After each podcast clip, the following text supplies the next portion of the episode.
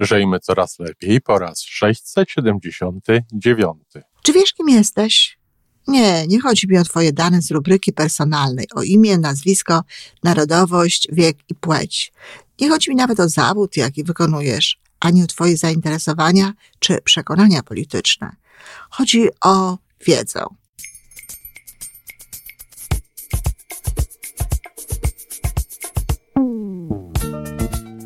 Witamy w kolejnym odcinku podcastu Żyjmy Coraz Lepiej, tworzonego przez Iwonę Majewską Opiełkę i Tomka Kniata. Podcastu z dobrymi intencjami i pozytywną energią, ale także z rzetelną wiedzą i olbrzymim doświadczeniem we wspieraniu rozwoju osobistego. Chodzi nam o to, aby ludziom żyło się coraz lepiej, aby byli coraz bardziej spełnieni, radośni i szczęśliwi. A że sposobów na spełnione życie jest tyle, ile nas, więc każdy musi znaleźć ten swój. A teraz już zapraszam do wysłuchania kolejnego odcinka.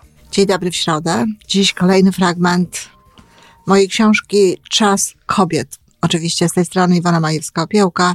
I znowu tak wybieram fragment dla Was, żeby no cóż, zachęcić Was do przeczytania tej książki, bo mimo, że powstała ona no dawno temu, na pewno ponad 22 lata, bo jeszcze w poprzednim stuleciu, to wciąż jest aktualna, wciąż jest e, ważna, wciąż jest istotna, nawet może czasami e, jeszcze bardziej. A zatem, rozdział czwarty. Jaka jesteś naprawdę? Ten, kto zadaje pytania, nie może uniknąć poznania odpowiedzi. Przysłowie. Czy wiesz, kim jesteś? Nie, nie chodzi mi o Twoje dane z rubryki personalnej, o imię, nazwisko, narodowość, wiek i płeć. Nie chodzi mi nawet o zawód, jaki wykonujesz, ani o Twoje zainteresowania czy przekonania polityczne. Chodzi o wiedzę.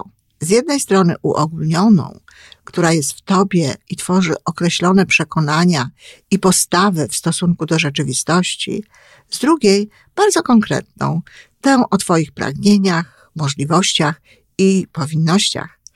Chodzi o to, czy wiesz, kim jesteś jako człowiek, jako przedstawiciel gatunku Homo sapiens i czy wiesz, kim jesteś naprawdę ty sama, czy znasz siebie.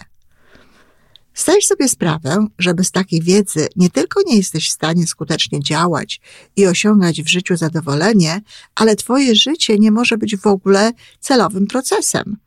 Nie wiedząc tak naprawdę, kim jesteś, nie możesz znaleźć najgłębszego sensu swojego życia. Nie znając swoich pragnień, nie możesz ich realizować, a nie mając dokładnej wizji siebie samej, nie potrafisz wykorzystać w pełni swoich możliwości. Nie bez powodu mądry Sokrates umieścił na kamieniu wyroczni defickiej radę poznaj siebie. Hasło to stało się kamieniem węgielnym wszelkich odmian psychoterapii. Wprowadzone w życie spowoduje, że terapia nie będzie potrzebna. Człowiek bowiem, który naprawdę zna siebie, ma świadomość zarówno swojej danej mu od Boga siły, jak i ludzkich słabości. Zna głębię własnych pragnień i wytycza zgodnie z nimi swe życiowe cele. Będzie człowiekiem czującym sens własnego życia i realizującym się poprzez dążenie do niego. Kobiece poszukiwania. Kobiety należą do częstszych bywalczyń gabinetów terapeutycznych prowadzonych według różnych założeń teoretycznych. To one były głównie pacjentkami doktora Freuda, a potem psychoanalityków amerykańskich, którzy po II wojnie światowej bardzo licznie reprezentowali w Stanach Zjednoczonych psychoanalizę w jej różnych wersjach. Szczególnie dużo kobiet korzystało z ich pomocy w okresie od około 1955 roku do mniej więcej 1965 roku, kiedy trwała tam era feminine mystique, jak ją nazywa Betty Friedan, której kobiety inteligentne i wykształcone znów zajmowały się wyłącznie domem. Dzisiaj również, zarówno w Stanach, jak i w innych krajach, kobiety częściej niż mężczyźni, jako jedną z dróg rozwoju wybierają gabinet psychoterapeuty. Dlaczego kobiety częściej niż mężczyźni korzystają z pomocy terapeutów, psychiatrów i psychologów? Powodów jest kilka. Pierwszy, potrzeba poznania. Pierwszy to ten sam, dla którego częściej czytają książki nastawione na rozwój, poznanie siebie i siłę duchową. Są bardziej zainteresowane własnym rozwojem, poznaniem siebie i w związku z tym wszechświatem. To ich zainteresowanie, jak pamiętamy, wywodzi się jeszcze z raju, a dotyczy ono nie tyle teorii, ile praktycznego działania, niejako poznania w akcji. Każdy kurs samodoskonalenia, chyba że jest to kurs dla wyższej kadry kierowniczej, tam jest często więcej mężczyzn, przyciąga więcej kobiet niż mężczyzn.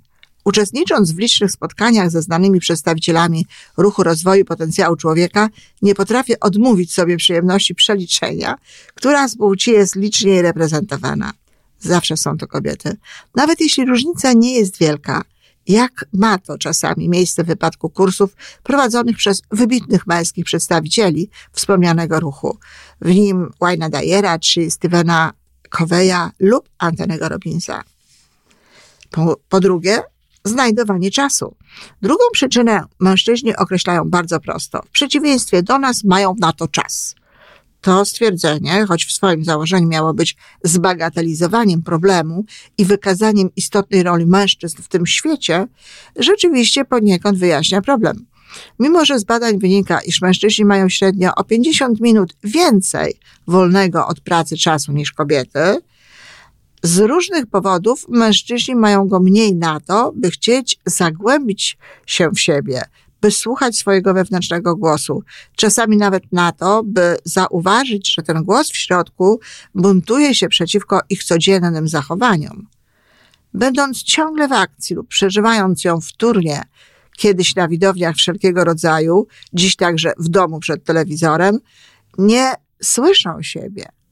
Shirley MacLaine, znakomita aktorka, wspaniała kobieta i wielki człowiek, powiedziała kiedyś, Trudno zauważyć, że głęboko we wnętrzu czegoś nam brakuje, kiedy na zewnątrz tworzymy, przeżywamy sukcesy i ponosimy wiele odpowiedzialności. Czy powiedziałabym, przyjmujemy wiele odpowiedzialności. Choć dotyczy to zarówno kobiet, jak i mężczyzn, z pewnością mężczyźni częściej i dłużej ulegali złudzeniu kompletności. Niestety to z powodu tej właśnie iluzji, czasami takiej pozbawione stanu równowagi życie kończy zawał, wylew czy inna choroba, często dotykająca tych zewnętrznie najaktywniejszych mężczyzn. W pewnym okresie kobiety miały więcej czasu, często zbyt wiele, szczególnie te odwiedzające Freuda, czy Amerykanki wręcz szukające sobie zajęć. Łatwiej im było wsłuchać się w siebie, a ponieważ ich życie także nie było w stanie zrównoważenia, próbowały sobie pomóc. Wreszcie, ponieważ to my sami decydujemy, na co chcemy przeznaczyć nasz czas, kobiety znajdowały go dawniej łatwiej i znajdują go dzisiaj trudniej na to, by zatroszczyć się o swój rozwój. Podczas gdy mężczyźni wojowali lub tworzyli fizyczny wymiar rzeczywistości, kobiety się rozwijały, zajmowały sztuką, poezją, nauką. Obecnie sytuacja pracującego mężczyzny nie odbiega drastycznie od tej, w jakiej jest kobieta – jednak ciągle to Ewa ma większą potrzebę zrozumienia siebie, poznania i rozwoju. Pokora i zdolność pytania. Trzecia przyczyna łączy się ze szczególnie pojmowaną męską ambicją. Na wspomnianej już w tej książce sesji rozśmieszającej Bobby Siegel spytała, czy wiecie dlaczego Żydzi spędzili 40 lat na pustyni? Odpowiedź, bo już wtedy mężczyźni nie potrafili zapytać o drogę. Śmiejemy się, ale proszę, przy, przypomnij sobie sytuację, w której szukacie ze swoim partnerem jakiegoś miejsca. Zapytajmy, radzi najczęściej kobieta i w odpowiedzi słyszy, co będę pytał, trafię, szkoda czasu. Albo inaczej sformułowane zdanko o podobnej treści. Są wyjątki. Mój mąż pyta, jak na moje potrzeby nawet za często. Jednak zasada jest właśnie taka. Panowie wiedzą, a nawet jeśli nie, to trudniej im się do tego przyznać niż kobiecie. Odwaga. Czwartym powodem, dla którego kobieta częściej korzysta z pomocy terapeutów, czy podejmuje inne działania otwiera, otwierające przed nią tajemnice jej duszy, to odwaga. Trzeba mieć w sobie nie tylko pragnienie poznawania, ale i odwagę przyjęcia konsekwencji związanych z tym poznawaniem. Czasami ta wiedza wcale nie jest dla nas miła, Czasami potrzeba przeanalizowania przykrego fragmentu naszego życia, a czasami konieczność podjęcia innego, nowego życia lub przynajmniej dokonania, dokonania zmian. To wszystko wymaga takiej samej odwagi, jakiej wymaga każde tworzenie. Przy czym tworzenie siebie jest w moim poczuciu najtrudniejszą i najpiękniejszą formą twórczości. Poszukiwanie sensu. Piąty, ostatni powód, dla którego kobiety odwołują się do pomocy książek i psychoterapeutów, łączy się z potrzebą odczuwania sensu życia. Zajmiemy się tym zagadnieniem szerzej, ponieważ jest to, w moim przekonaniu, najistotniejszy powód różnych problemów i poszukiwań. Zgłębienie tego zagadnienia uświadomi nam lepiej, kim naprawdę jesteśmy i da większą szansę na pełniejsze przeżywanie siebie samych i swojego życia. Viktor Frankl napisał w jednej z najmądrzejszych książek z dziedziny psychologii XX wieku, Man's Search for Meaning, Człowiek w poszukiwaniu sensu, iż ludzie mają wystarczająco dużo rzeczy, dla których żyją, ale nie mają po co żyć. Mają poczucie znaczenia, ale nie mają poczucia sensu. Dotyczy to ludzi w różnych okresach historycznych i osiąga coraz większe rozmiary wraz z rozwojem cywilizacji. Zastanawiające, że kobiety pracujące ramię w ramię z mężczyznami na roli nie miały nie tylko potrzeby chodzenia do terapeutów, czy nawet rozwoju duchowego i poznawania siebie, ale zwykle były osobami charakteryzującymi się wielkim spokojem i mądrością. Nie ma, szczególnie kiedyś nie było, nic właściwszego dla człowieka niż uprawa ziemi, hodowanie zwierząt i cały codzienny kontakt z prawem naturalnym. Owe prawa w rodzaju prostych prawd, jak ta, co posiejesz, to zbierzesz, samoczynnie regulowały psychikę człowieka, a jego życiu nadawały sens istnienia. Kontakt z przyrodą, regularny tryb życia i utarty porządek wprowadzały harmonię i ład. Żadne dodatkowe działania człowieka nie były tu potrzebne. Ponadto należało pracować, żeby przetrwać, i to był sens życia. Kobiety wychodzące codziennie ze swoimi mężami i niejednokrotnie dziećmi do fabryki także zaprzątnięte były codzienną troską o przetrwanie. One nie miały tego spokoju, co pracujące na roli kobiety, jednakże sens ich życia sprowadzał się także do zaspokojenia podstawowych biologicznych potrzeb człowieka. Choć bez porównania łatwiejsza, to jednak podobna sytuacja panowała w wielu polskich domach w czasach mojego dzieciństwa, a i dziś pewno takie domy istnieją. W moim domu rodzinnym, gdzie nie było ojca i cały ciężar utrzymania spoczywał na mamie, życie sprowadzało się głównie do zaspokajania naszych codziennych potrzeb. Pamiętam okresy, kiedy w Polsce nie było różnych rzeczy i wtedy moja matka rzucała się w wir przepojonej sensem aktywności zdobywania. Niestety, żyjąc w taki sposób, niewiele czasu poświęcała na kontakt ze sobą i swój rozwój duchowy. I dziś, kiedy jest na emeryturze, a czasy się zmieniły, nic już nie musi zdobywać. Ten sens gdzieś jej umyka. W Stanach Zjednoczonych ludzie doświadczają czasami czegoś, co nazwano niedzielnymi neurozami, a co jest rodzajem depresji, która spada na ludzi, kiedy pozbawieni codziennych zajęć tygodnia uświadamiają sobie pustkę, jaką noszą sobie. Prawdopodobnie obserwując zachowania kobiet i mężczyzn z różnych klas społecznych i środowisk, Abraham Maslow stworzył koncepcję hierarchicznego sposobu zaspokajania naszych potrzeb. Uważał, że najpierw zaspokajamy potrzeby biologiczne, pokarm, schronienie, podtrzymanie gatunku, a następnie, kiedy są one zaspokojone, potrzeby wyższe, związane z rozwojem społecznym, emocjonalnym i duchowym takie jak przynależność do grupy, akceptacja, miłość, a potem osiągnięcia twórcze, słowem realizacja istniejącego w nas potencjału. Trudno się z Maslowem nie zgodzić. Moje przykłady są właśnie potwierdzeniem jego koncepcji. Jednakże dotyczy to tylko sytuacji, w których dany człowiek nie był nigdy eksponowany do potrzeb wyższego rzędu. Mówiąc po prostu, kiedy nikt mu nie pokazał lub w jakiś sposób sam się nie dowiedział, że człowiek potrzebuje czegoś więcej niż zaspokajanie potrzeb biologicznych. Z chwilą, kiedy poznał miłość, radość tworzenia czy pracę dla jakiejś idei, te niższe wartości nie były już najważniejsze. Często, świadomie lub nie, rezygnował z nich.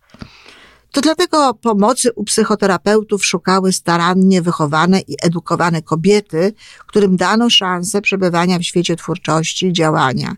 Rozwinięto im umysł, a potem zamykano w, czas, w czasem pięknych, niemniej klatkach domowego ogniska, gdzie nie mogły rozpostrzeć skrzydeł, realizować się tak, jakby chciały, w zgodzie ze swoim przeznaczeniem miały czas oraz zaspokojone niższe potrzeby i czuły ogromny głód zaspokojenia wyższych. To właśnie miało miejsce za czasów Freuda. I nie członka, jak sądził ojciec psychoanalizy, zazdrościły mężczyznom kobiety, ale, jak podkreślała to w swoich pracach Karen Horney, aktywności życiowej, możliwości tworzenia. Podobna sytuacja istniała w Stanach Zjednoczonych w latach 50. i 60. naszego wieku, kiedy to kobiety kończące wyższe uczelnie ograniczały swoje życie do zajmowania się domem i rodziną. Nie inaczej dzieje się czasem i dzisiaj. Jeśli zajęcia, którymi zajmuje się kobieta, są zgodne z jej wykształceniem i poziomem świadomości, jest szczęśliwsza. Jednak czuje się, jednak czuje, że nie wykorzystuje w pełni swoich możliwości, wyraźnie jej czegoś brakuje i szuka. Miałam sporo klientek, które czuły się niespokojne, często wręcz nieszczęśliwe, tylko dlatego, że nie robiły w życiu nic, co ich zdaniem miałoby większy sens niż opieka nad dziećmi. Zawsze kobiety te należały do aktywnych i wykształconych, potrzebujących szerszej płaszczyzny działania. Wiele nieszczęść i złych nawyków ma swoje źródło w braku poczucia sensu życia. Nerwice, depresje, samobójstwa, alkoholizm, narkomania, seksoholizm, obiadanie się te, a także niepohamowane zakupy i ciągła pomoc za pogoń za rzeczami to także różne formy tego samego problemu. Dotykają one zarówno przeciętnych, wiodących typowe życie ludzi, jak i tych sławnych, osiągających sukcesy w swojej pracy, pracy otoczonych pięknem i wielbiącymi ich tłumami. Viktor Frankl, amerykański psychiatra, twierdzi wręcz, że wiele tak zwanych chorób umysłowych i zaburzeń emocjonalnych w istocie swej sprowadza się do braku poczucia sensu życia. Uważa, że pod powierzchnią różnych objawów kryje się bardzo często ten sam problem poczucie bezsensu i wewnętrznej pustki. Opierając się na logoterapii, filozofii, którą stworzył, pomaga swoim pacjentom pozbyć się niszczącego wrażenia pustki przez zrozumienie ich szczególnego znaczenia i niepowtarzalnej misji życiowej. Ludzkie poszukiwanie sensu jest pierwotną motywacją jego życia, nie wtórnym efektem instynktownych popędów, twierdzi ten lekarz, psychiatra i filozof.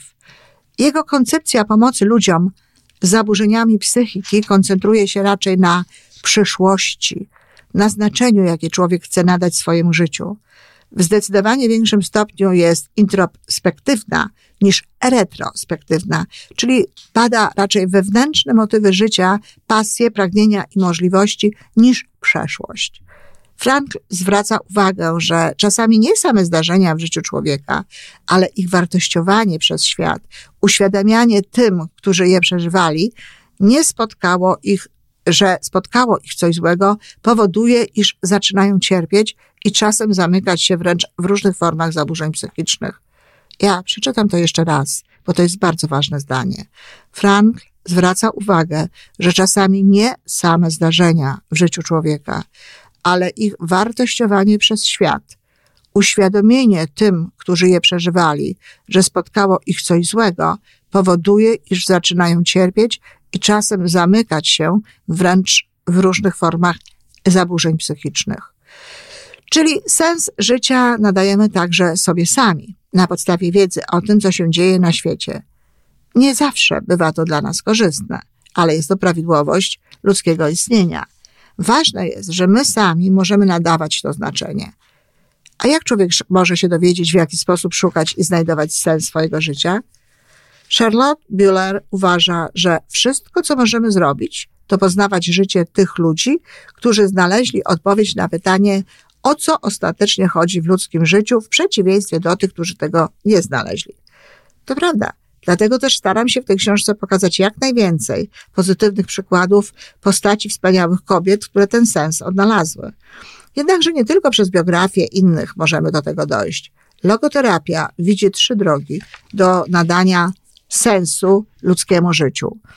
Poprzez tworzenie, określoną działalność, spełnianie określonych uczynków, poprzez doświadczanie czegoś lub zajęcie się kimś, zatem nie tylko przez działanie, ale także na przykład przez miłość.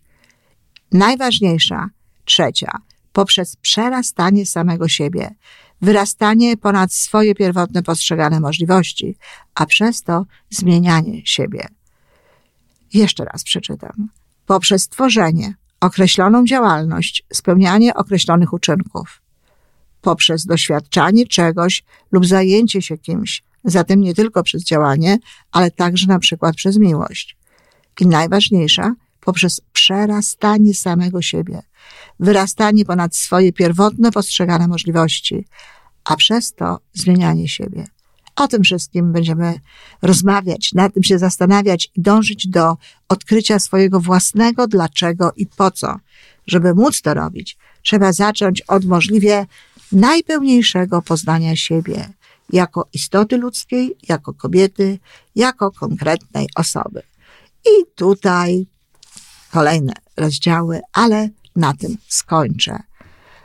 Mam nadzieję, że dało to coś wam do myślenia, moje kochane kobiety, że coś zauważyłyście i że zachęciłam was do przeczytania tej książki. Do 16 marca jest ona w cenie promocyjnej. Link znajduje się we wpisie, a także w zakładce społeczność. Dziękuję bardzo i do usłyszenia. Bądźcie z nami. I to wszystko na dzisiaj. Podcast Żyjmy Coraz Lepiej jest stworzony w Toronto przez Iwonę Majewską-Opiełkę i Tomka Kniata. Sześć razy w tygodniu przygotowujemy dla Was nowy, ciekawy odcinek. Jeżeli lubisz nas słuchać, to prosimy o reakcję. Polub nas, skomentuj, tak jakbyśmy sobie po prostu rozmawiali. Zapraszamy do darmowej subskrypcji. Jesteśmy dostępni na każdej platformie, gdzie można słuchać podcastów. Wystarczy nas tam poszukać. A po więcej informacji zapraszamy na stronę www.majewska-opiełka przez l.pl. Jesteśmy też na Facebooku i na Instagramie. Jeżeli uważasz, że nasze podcasty pomagają Ci w Twojej drodze do jeszcze lepszego życia, to proszę, przedstaw nas swoim przyjaciołom. Do usłyszenia.